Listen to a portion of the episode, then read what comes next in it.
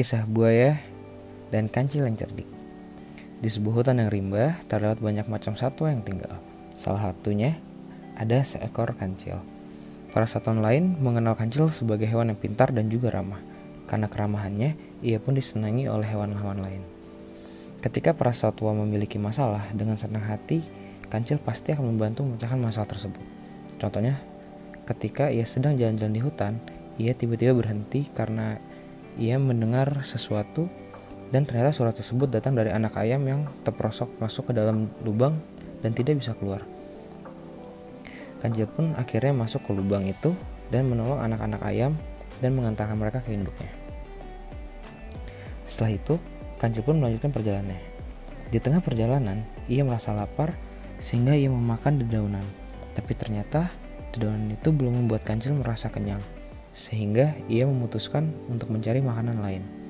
Karena terik panas matahari, Kancil pun merasa haus sehingga ia berhenti di tepian sungai untuk melepas dahaga dan meminum air sungai. Setelah itu, Kancil melihat ada sesuatu yang menarik perhatiannya di seberang sungai, yaitu pohon buah-buahan yang segar.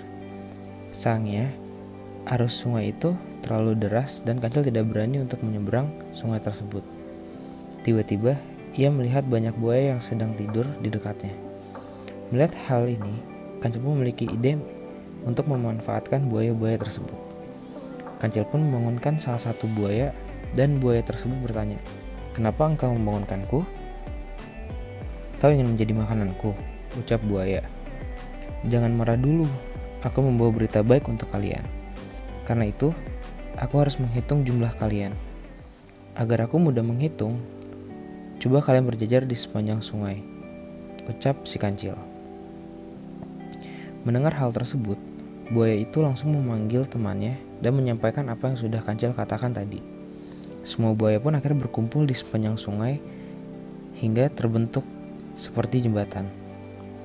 Kancil pun mulai melompati badan buaya satu persatu dan berpura-pura menghitung. Setelah ia sampai di badan buaya terakhir, Kancil pun melompat ke tepi sungai dan berkata, Terima kasih buaya-buaya karena kalian aku bisa menyeberang. Setelah mengatakan hal itu, Kancil langsung berlari kencang meninggalkan buaya-buaya itu dan akhirnya Kancil dapat menikmati buah-buah segar yang tadi ia inginkan.